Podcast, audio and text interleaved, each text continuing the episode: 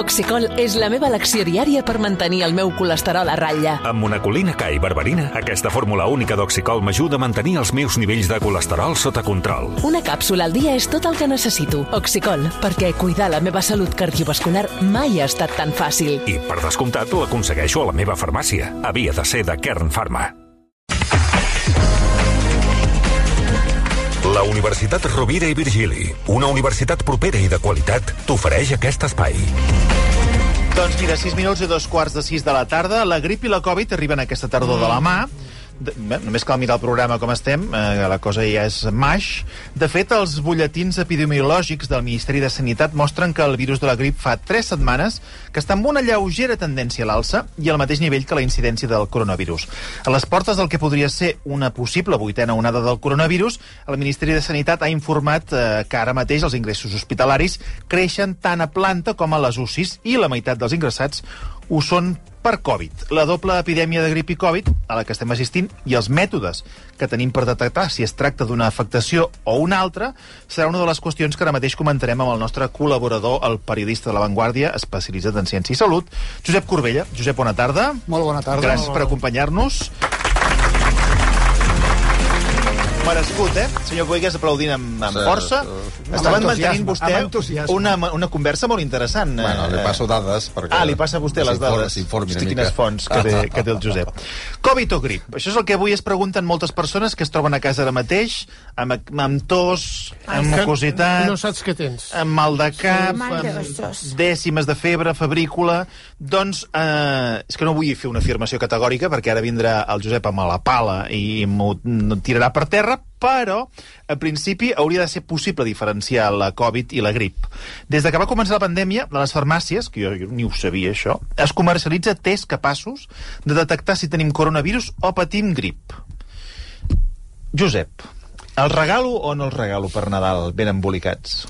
La gent que tingui Mira, tos, no, no sé mucositat quina i mena i febrícula. tens, però Malalts. a mi sí... em- Amics, sí, amics malalts. Realment, regalar un test per detectar malaltia... Escolta, en els, sembla- mo- en els moments que no es trobaven els testos, Ara. això era una alegria Hombre, tremenda quan venia algú a hombre. casa que en tenia. Ah, Pots, pots regalar un metge ja directament. Un Sí, potser Sí, que... també, també en falten de metges. Bé, aquest Potser que test... t'ho rumis una miqueta Vinga, més. co- comencem. Que treballis una miqueta més Sí, el regal. també Escolta, raó. primer, deixa'm aclarir una cosa. Va. A Catalunya, en aquest moment, Sí. no estem amb un increment de casos de grip, ni d'infeccions respiratòries, veient les dades de la setmana passada respecte a les anteriors. Estem amb un nivell de transmissió de virus respiratoris, inclòs el de la Covid, molt baix. Mhm. Això no durarà tota la tardor. Si eh, vols, després entrem en les pre- previsions de cara a la tardor, però en aquest moment estem amb un nivell molt baix de transmissió de virus cir- circulatoris. Si aquí a RAC1 eh, dius que teniu una Sí. mena de brot, No, a RAC1 no, el versió El directament. El Ja. versió. A RAC1 no ho sé, però el versió escolta. estem uns quants tocats. Aquí entra pitjant doncs, merda. si ho sé, vinc amb mascareta. O no, No, no. Però, en Ja, no ja és són corona, virus- però el que hi ha aquí teniu- no és coronavirus. No, perquè ens hem fet els testos, No, no. els que no estem fins, i no és coronavirus. Aleshores, els de moment, testos, o que és del que entrat del tu, que potser... volies parlar, perquè Sí. tens, eh, n'has comprat uns quants. No, Ja No, no, encara no, però vaja. Aleshores- jo he vingut entusiasmat. Uh, primer, uh, la pregunta primera que t'has de fer és per què vull un test d'aquesta mena que em pugui dir si una persona té coronavirus o té grip o no en té cap de les dues. Mm, perquè això em porta a prendre unes mesures o unes Exacte. altres. Exacte. Efectivament, això... Eh, precisament aquest és el punt. En la mesura en què això et guia les decisions que has de prendre, Mm. és útil. Si total acabaràs fent el mateix, doncs potser no val la pena. Aleshores... Jo, eh, disculpa, fem-ho molt pràctic, eh? Sí. Jo avui al matí que et tenia mal de coll, Sí, sí, sí, m'acaba de trobar sí, molt no bé. estava- no estaves catòlic. M'he fet un test d'antígens, Sí. sí. eh, ja em vaig fer una ahir a la nit i avui al matí, els Sí. sí. han sortit negatius. Eh, clar, me n'hauria pogut bé fer un de la grip, de grip i test, o sigui, grip i, i Covid. I I saber si vaig per un cantó o per un altre. Que surt Covid, doncs o faig teletreball, o vinc aquí amb Ah, i la grip no, la grip FP2, la contagies, sigui. la grip la contagies. No, si no tinc grip, tinc una mica de mal Però de si coll. t'hagués sortit grip, Clar, si haguessis Sí, sí, grip... ah, això és el que hem de parlar amb el Josep Corbella. pues sí, igual. El mateix que amb el Covid, faries el mateix. Hauries de- hauries d'haver-te quedat a quan casa. la gent té grip, o quan la gent tenia grip, que és un altre tema que ja tractarem, la gent venia a treballar Aquest és el problema. sense cap mena de mesura de protecció i eh, a lo loco, que I. I, I per això s'encomanava i després tothom, caia malalt. en grip. Digues, digues, Josep. No, primer, hi ha casos en què sí que és útil saber distingir eh, grip de Covid. Per exemple, persones, si un metge té un malalt que és un pacient de risc eh, i això de- d'això depèn la decisió terapèutica, doncs sí que és útil. Ara bé, eh, pel conjunt de la població sana, Uh, a partir del moment que la Covid diem que la normalitzem com una infecció respiratòria més i és una més com la grip com, i com tantes altres, el, la, la manera de comportar-nos ha de ser la mateixa, que és si tu tens símptomes d'infecció respiratòria, aplica la prudència del sentit comú, que vol dir eh, mira de no contagiar els altres. Si has, mira de no anar a llocs concorreguts. Si has d'anar, procura mantenir distància. Procura Tant si mantenir tinc la grip com si tinc el Covid. És a dir, tu, tu et recomanes tu- les tu- mateixes mesures, marqui el que marqui la, la prova. Sí, perquè el... Anem a veure, abans de la pandèmia, mm. quan tu et trobaves malament, Sí, i amb símptomes d'infecció sí. respiratòria, Cap, a què, cap, a, cap a treballar.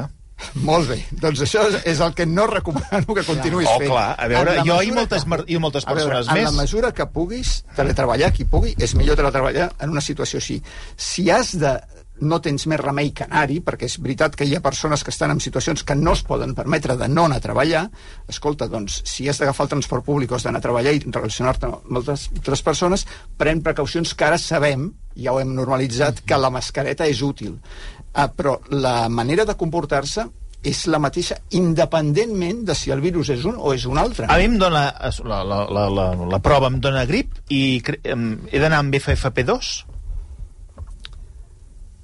A dreta llei, sí. Habrías de hacerlo. Sí, a la, sí eh, en- clàssicament al començament es deia la mascareta quirúrgica normal és per no contagiar els altres i la FFP2 és per no contagiar-te tu. En realitat, la FF, eh, aquestes més, més completes, la FFP2 també redueix el risc de que, que tu contagies els altres, perquè també està més ben tancada, més ben agafada a la cara. Per tant, si per... Eh, tant per no contagiar-te tu com per no contagiar els altres, la FFP2 és més recomanable. Doncs ja tenim Jo, de la... fet, en aquest moment, amb transport públic, és la que porto. Però escolti, senyor Corbella, dispensi, com és que en quan hi va haver aquelles alarmes que a vegades hi havia que enguany el virus de la grip serà terrible, que, que, que això... Que, I que, més que, violent, que, que hi ha més hagut, violent. Sí, exacte, que hi ha hagut una transformació, una metamorfosis del virus i que això... Com és que aleshores no s'obligava la gent a anar amb mascaretes? Perquè no havíem passat encara aquesta experiència de la, de la pandèmia que ens ha fet do- adonar-nos de la utilitat i, de, i acceptar com a normal el fet de dur mascaretes. De fet, hi ha, hi ha països d'Àsia que ja en portaven. Per això. I des de quan, en rèiem i des de quan en portaven? Des de que fa uns 20 anys van tenir uns problemes més greus que nosaltres amb, amb epidèmies de virus respiratoris. Deixa'm seguir això perquè ho trobo molt interessant. Uh, uh, la pregunta que més hem fet en aquest programa i la majoria de programes quan parlaven del Covid és en quins moments ens hem de posar la mascareta? Això hem preguntat mil vegades. Jo et pregunto, en quins moments no Covid ens hem de posar la mascareta? És a dir, amb quins símptomes mm, que no pertanyin al Covid ens hem de posar la mascareta? Vols dir aquestes properes setmanes? Sí. És que si no et fas el test no sabràs si és Covid o no. Ja. Si, a- en el moment en què hi Però tu hagi- m'estàs dient, com, la, uh, com si fos una grip, comporta't igual com una grip. Sí. Val, llavors, jo si tinc mal de coll... I, una grip i, o un refredat o un fort, refredat, eh? Un no, refredat no cal fort, arribar a tenir mas- febre mascareta. de 40 que et, qued- de Val. 39 que et quedaries a casa. Val, mascareta, amb un refredat fort. Si tu entens, sí per protegir els altres. Però és igual de contagiós I si un no refredat que Espera, Espera, un moment, un moment, un moment. Si tu no Apunta't entens- aquesta pregunta. I si tu no entens, però estem en una situació que no és l'actual, però una situació que és epidèmica, com en algun moment de l'hivern probablement tindrem epidèmia de grip, per protegir-te tu també. I la pregunta que jo et volia fer és, és igual de contagiós una grip o un refredat fort que el coronavirus? Uh, no, a veure, la... efectes pràctics és equivalent. El que hem vist en aquests últims dos anys és que el coronavirus és un virus molt altament contagiós. El, I hem vist que es transmet d'una manera que és una miqueta diferent de la, de la grip. Si, us, si recordeu al començament de la pandèmia, quan es va dir que es podia transmetre per aerosols, Sí. que és a través de l'aire a distàncies relativament grans, eh, la reacció inicial de la comunitat mèdica va, va ser no. I per què van dir no? Perquè es pensaven que es transmetria igual que la grip, que et requereix eh, unes gotes més grans i un contacte més proper. Per tant, exactament igual no és, i el coronavirus és una mica més contagiós. Però quan hi ha una situació d'epidèmia, escolta, eh, mans, mascareta, ventilació, distància i sentit comú. També per la grip. Sí, sí, també per I la per a grip. los refredats Per- Perdona, forts. la grip, eh, tenim la percepció que la Covid ha estat una malaltia terrible, i ho ha estat, i que ho continua sent, no ho és tant, però en aquest moment el patró de casos greus de grip i de Covid és semblant, és persones eh, grans o persones amb eh, patologies prèvies que els fa ser malalts de risc. I la grip és i sempre ha estat una malaltia que quan arribava una epidèmia causava un increment de mortalitat molt Sí, substancial. sí, hi ha grips històriques. Eh, No, no, i no tan històriques. No, no, Cada any, clar. cada any, el, mira, a l'avantguàrdia, quan a l'hivern eh, hi havia més esqueles, és que hi havia epidèmia de grip. Hi havia una correlació mm, molt, molt estreta entre més esqueles, més epidèmia de grip. Però no li donàvem la importància que segurament li donarem a partir d'ara, quan ara que ens hem conscienciat amb la Covid. És que el que estem explicant és molt, és molt interessant, perquè, per exemple, jo que sóc usuari de transport públic, mm. la gent sembla que hi hagi unes... Bueno, no sembla. Hi ha unes ganes de treure's la mascareta. Hi ha molta que- gent que va sense mascareta. Clar, però el que aquí estem explicant ara mateix és just el contrari, és a dir, ens l'hauríem de continuar posant no pel coronavirus, sinó per, grip aquest tipus de grips coses, i de sí. Perquè, de fet... En espais tancats com són els- els passat, transports públics. si no recordo malament, eh, les grips van baixar perquè la gent anava amb mascaretes i la- i l'any anterior igual. Sí, portem dos anys de molt poca grip, efectivament, per un seguit de... en part per les mesures de la pandèmia. El que deies del transport públic, el que ens ha passat amb les autoritats sanitàries és que han insistit en l'obligatorietat de la mascareta quan no era necessària. Això no vol dir que no, no pogués ser convenient per a algunes persones. Per tant, aquest missatge s'ha desprestigiat, s'ha desacreditat. I ara el problema és, ara que s'haurà de tornar a recomanar com a convenient, quan tornin a pujar les infeccions respiratòries a les properes setmanes o mesos, qui els farà cas? Però ara, perdoni, eh, jo que ho vaig sentir el, el, tant en metros i, i trens i tot això, tornen a dir que és obligatori l'ús de mascareta. Eh? Però sempre, ho, sempre ho han dit, i Sí, això no ha jo- impedit però que jo molta passo. gent no la porti, i molta de la gent que la porta la porti malament. Obligatori als trens i recomanable a les andanes. I a les A les andanes andanes. fa temps No, que ja no, la, no, la mascareta Sí, ha desaparegut. friki. A veure, el test en si. El vols comentar Aquí, o, o no, o no el Què comentem o el que No, sigui? sí, no, és que a veure, és una de les notícies del dia. No, és que hi ha molta gent que no sap diferenciar una cosa a l'altra i Però és pensa... que és igual, si et trobes malament te quedes a casa. Ja, però el test eh, es vendrà a les farmàcies, hi haurà molta gent que el voldrà Saps que comprar... ens diu un oient, Marc, que aquest test que diferencia Sí. grip A, grip B, virus incital i Covid per PCR existeix des de fa més d'un any? Ho hem dit eh, quan estàvem presentant aquesta secció que ja feia temps que es venia a les farmàcies i jo no en tenia constància tampoc, eh? Mm, en fi. És un embolic. Avui el País hi dedica tota una portada i totes unes explicacions. De grip és la A i la B, eh, Covid és la T, combinat, no combinat... Eh, Què vols saber? no, no, jo res. Jo si, vol- pregunto si vols comentar alguna qüestió d'aquesta... Si és fiable. És fiable, sí, això? Sí, d'entrada. eh, Si una persona, malgrat que haurà d'acabar fent el mateix, té curiositat per saber-ho, mm. uh, no hi ha cap uh, inconvenient perquè es faci el test. Si té ganes de furgar-se el nas ben fins, al, fins ben al fons, perfecte. Aleshores, uh, com funciona? El principi és el mateix i és que detecta unes proteïnes del virus. En aquest cas, de, pot distingir entre proteïnes de virus diferents.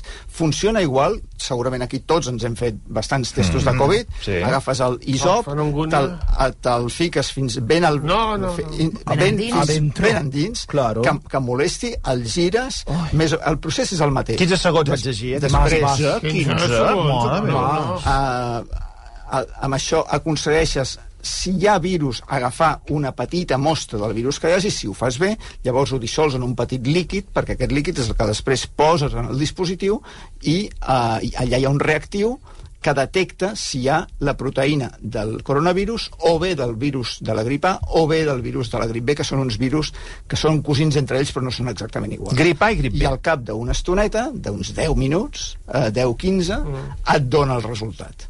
Aleshores, em preguntaves per la El fiabilitat. senyor Marcelí feia una pregunta Aquí, molt sí, pertinent. La La fiabilitat. fiabilitat hem de distingir dues coses, que és eh, si et diu que tens un d'aquests virus concretament, si et diu que t'ha detectat virus de la grip A, posem per cas, és que la tens. El, el percentatge d'errors quan et dona un positiu és molt, molt baix. O sigui, si ho detecta és perquè hi és. Mm. Ara, si no ho detecta, um, de vegades no vol dir que no tinguis, el, uh, que no tinguis la infecció. I, I ara et donaré el percentatge de fiabilitat aquí, perquè podria passar o que no t'haguessis agafat bé la mostra, o bé que estiguis en una fase d'incubació de, la, de la infecció o que tinguis en aquell moment una càrrega vi- viral baixa i això et dona, és el que et dona el que en dèiem, si recordeu, els falsos negatius. Sí, els falsos negatius és que et, diu, et dona el test negatiu i en realitat ets positius. Doncs el, el percentatge de fiabilitat, si et dona negatiu, és entorn d'un 85%. Pels tres virus, eh? per algun és una miqueta més alt, algun se'n va al 90, altres als 85, però està per allà. 85. Per tant, si et dona negatiu i et trobes malament, això no vol dir que puguis anar-te'n alegrement a treballar sense mascareta i posar tothom en perill. Aquesta és perquè la podria qüestió. ser positiu. Llavors, en cas eh, que et doni positiu, et diu vostè té coronavirus, el resultat el pots donar com a vàlid, perquè aquí la fiabilitat és del 99% aproximadament.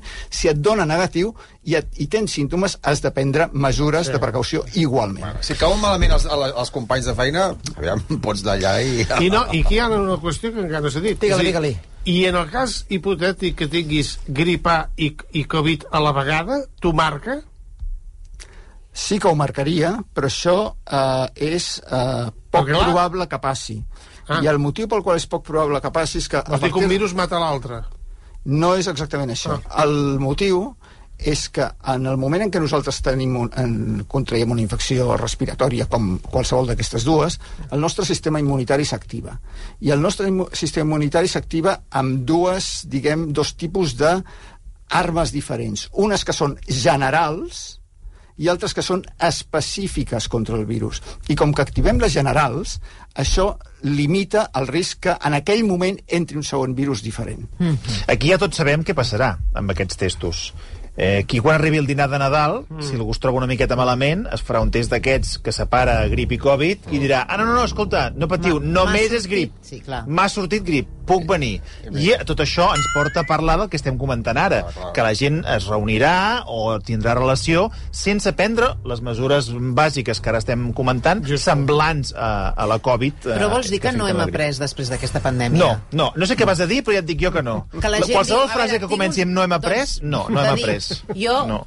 amb tot el que ha passat, dius, escolta, sabem que hem de protegir la resta Bueno. de la gent, la gent gran, sobretot al Nadal, que ens reunim amb gent gran. Si tu tens una grip, millor no passar-li la grip a les persones grans. Com sempre ha sigut, però et Com posaràs sempre. mascareta per, per no protegir Jo, aquesta si- persona? Si m'ho preguntes Sí, a mi personalment, tu, sí. si jo tingués grip, eh, jo portaria mascareta i estaria lluny dels meus pares, o, o sigui, no... Però no m'ha- podries menjar, eh? Perquè si menges, Lluny. llavors també... Lluny. No, al, al pati. O al pati, o a la, o a la cuina. Clar, però això és el que diu el Josep, que són les coses que hem après després de la Sí. pandèmia. Perquè les hem après en teoria. En teoria. Ara sabem el que s'ha de fer. No vol dir que ho fem, com Ja. diu la Marta. Perquè altres o sigui, anys- hi ha persones que sí, hi ha persones que no. Mm. I en realitat segurament hi ha moltes més persones que ho fan ara que no fa 3 anys. Però no tota la població ho fa. I de totes aquestes mesures de precaució que, que, que hem estat comentant, la més important de totes és la que diu la Marta, que és eh, protegir les persones grans. És a dir, si, per exemple, Marc, tu tens eh, símptomes d'infecció respiratòria, el, si, si tu em contagies a mi és relativament... No ho faria mai. No ho faria mai. No, ja. No, Mai, m'estàs mai. contagiant Però- a mi, que soc gran, Si i és no, contagies begut amb persones... el coll. Sí, estic la mar de Exacte, bé. el senyor Marcelí, persones grans o persones amb... amb Vostè ens amb enterrarà tots, ja ho sap, amb- eh? amb Ja en parlarem. immunodeficiències, aquestes són les que realment hem de protegir, perquè són les que tenen risc de tenir una infecció greu, ja sigui per la grip o per la Covid. La meva pregunta continua sent, Porta- ara que se suposa que hem après tot això, si tenim una grip anirem al dinar de Nadal amb mascareta? La meva resposta és no. No. No hi anirem.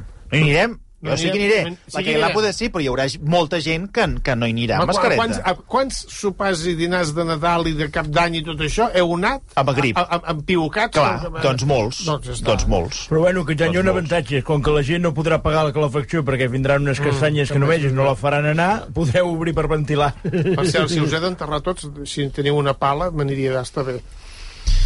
El test té un preu, ho hem preguntat, d'uns dos euros, no? Jo no m'he preguntat. Hem fet uh, Sí. aquesta consulta, concretament l'Ester Muñoz uh, ha anat trucant a diverses farmàcies i tenim... Si Uh, vols regalar, pot ser un joc. Dos, dos euros en 10 cèntims. Ens han escrit també explicant-nos que sí que hi ha, per exemple, els hospitals que ho, ho consideren uh, útil, aquest test. Sí, fan una PCR que, que es diu multiplex, segons ens explica un dels nostres oients, que detecta uh, grip A, grip B, B baixa RS Virus respiratori sincitial. I Covid. Aquest és un virus que causa infecció respiratòria que pot ser greu tant amb gent, persones grans com amb nens molt petits. Doncs això ho fan els pacients que ingressen amb símptomes perquè, el, clar, poden detectar exactament de quin virus es tracta. I són tractaments diferents, eh, se clar. suposa. Bé, canviem d'història. Eh, vaig a llançar els testos, ja buscaré un altre regal. El Departament de Salut ha detectat una nova versió de la variant Omicron del virus de la Covid Ole. en aigües residuals a Catalunya. Sí, sí. Ya está aquí. Es tracta de la subvariant BQ1. Com es comporta aquesta subvariant? Es porta bé? Doncs no gaire. No gaire. No, no, M'ho fa, no té m'ho gaire bona pinta. m'ho temia. Però, escolta, no pateixis, anem a veure. Vinga. T'explico on som amb aquesta So- on variant. som? On som? És una variant que es va detectar per primera vegada a Nigèria fa 3 mesos, el mes de juliol. Des d'aleshores ha arribat a tots els continents menys l'Antàrtida. És una variant que està en creixement relativament ràpid a, a Nord-Amèrica i a Europa. Um, I penso que també Nova Zelanda. Aleshores, eh, aquesta variant és una eh, descendent d'Omicron. Està emparentada amb Omicron i la diferència és que té unes que per cert, descendents d'Omicron en aquest moment n'hi ha moltes i aquesta no és l'única, n'hi ha una de diferent a Àsia que està pujant molt a Singapur, per exemple. I entre ella, entre aquestes, que estan, aquestes proves que estan fent el virus, eh, no sabem al final quina d'elles acabarà sent la més majoritària quan es trobin.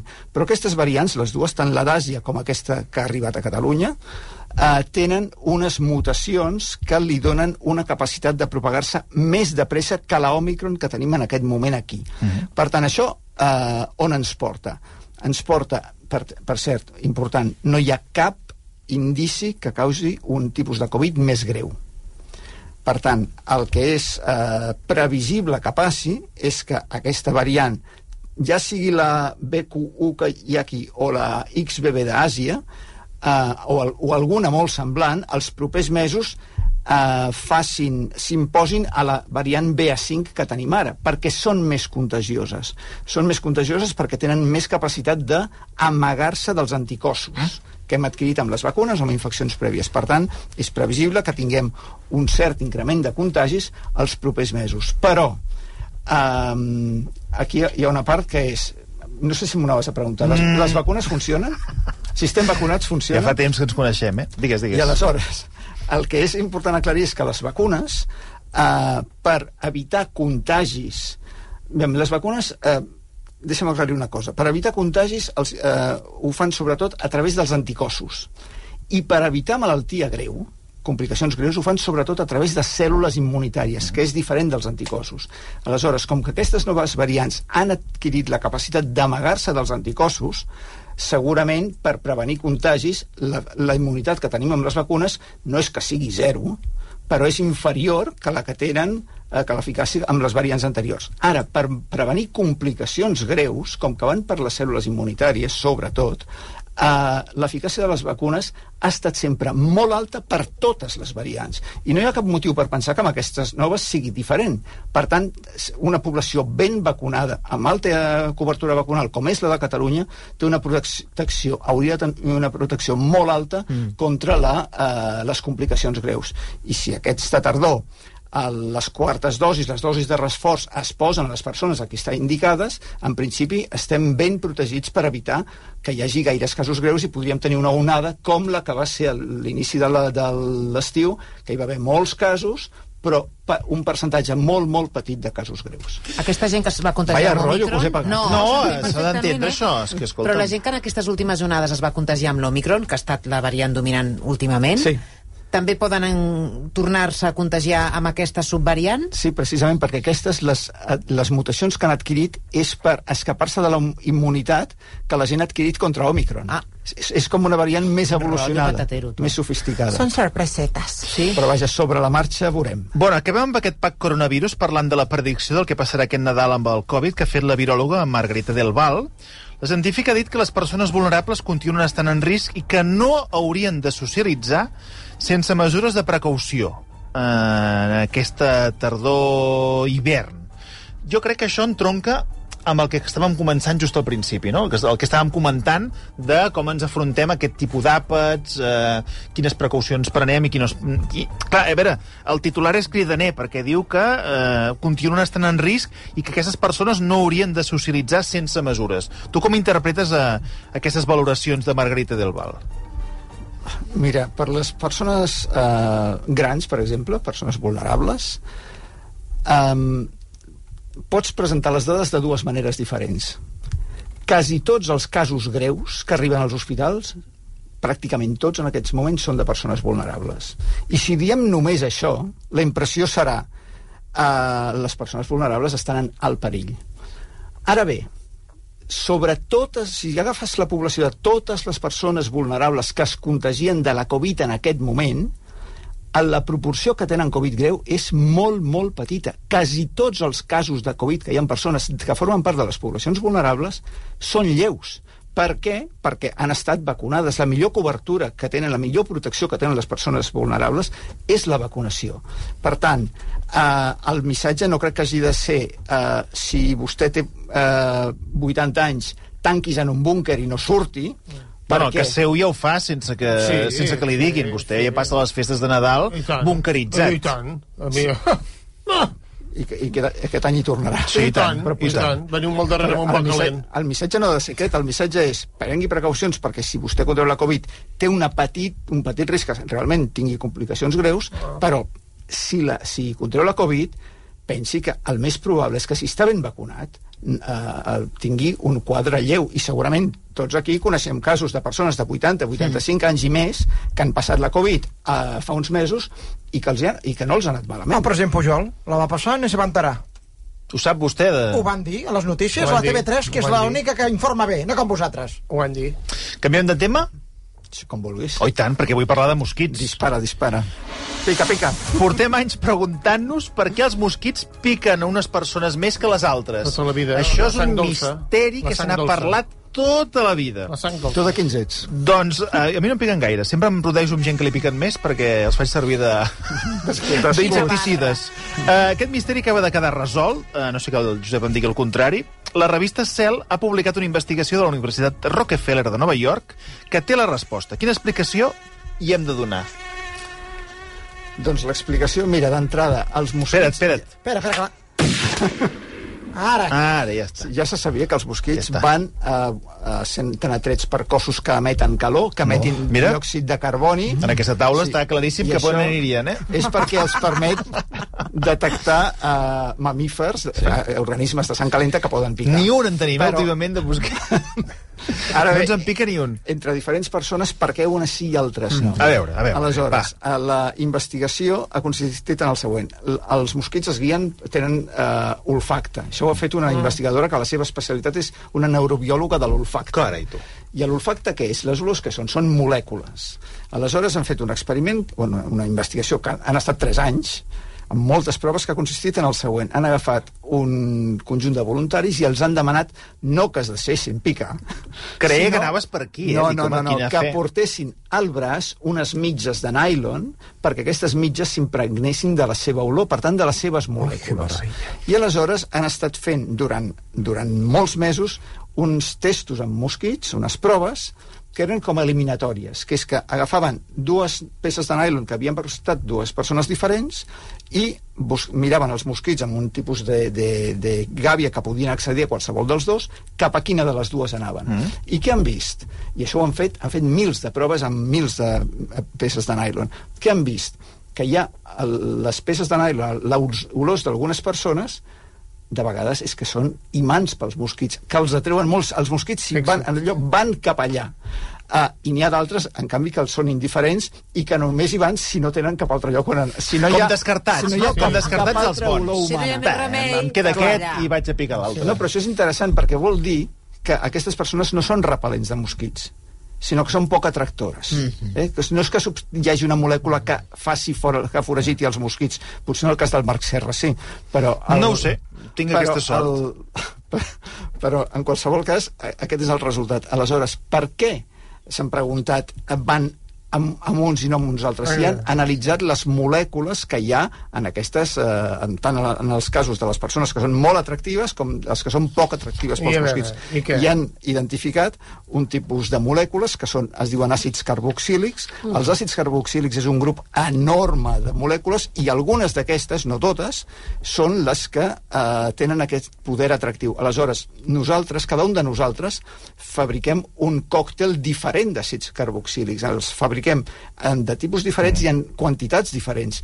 I això és el que pels mosquits, per uns eh, fem bona olor i per, i per altre, i altres persones doncs no tanta. I no ho podem modificar, això. Imagina't Aleshores, que tu ets dels que Injectar-te una cosa, no? No, Amb el o que sigui, sigui. amb una Sí, crema t'injecten dissimular, poques. di, no sé, amb Perquè t'has algunes... de tot el cos. Els àcids aquests fora, vull dir, no interessa. Però ets afectada, que veig que ho defenses. Amb... A mi em piquen. Oh, esclar, Mira, el es veu. millor és buscar-se una parella que atregui els mosquits. Veus? Si és que us ho he dit, Mira, us ho he dit. Aquest és el millor antídot. Ara bé, les Però són, perdona, investigadores... són molt pesats, la gent que els hi pica els mosquits, eh? Molt pesats.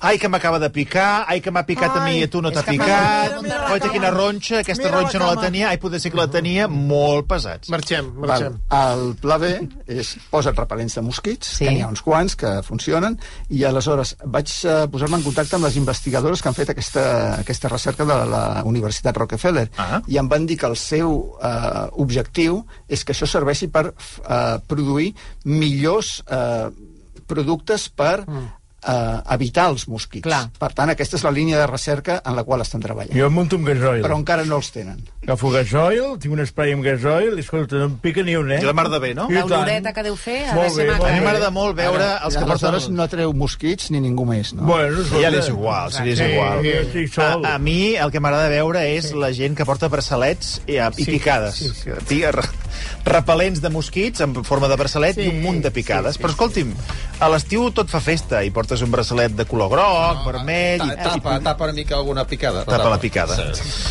Molt bé, doncs, uh, mira, canvio de regal i regalarem un repel·lent en lloc de, del test. Uh, Josep Corbella, moltíssimes gràcies. A vosaltres. Fem una pausa i parada, atenció, ¿Qué ha pasado? perquè tenim un convidat de luxe. Pero, en... pero que me está después de Carlos Cueva me está diciendo que hay otro invitado sorpresa para mí. Tenim uh, 45 minuts finals de programa perquè a partir de 3 quarts de 7 hi ha l'Almeria-Girona, per tant nosaltres acabarem 15 minuts abans, però abans ens visitarà Quim Gutiérrez. Oh, por favor. De seguida arriba.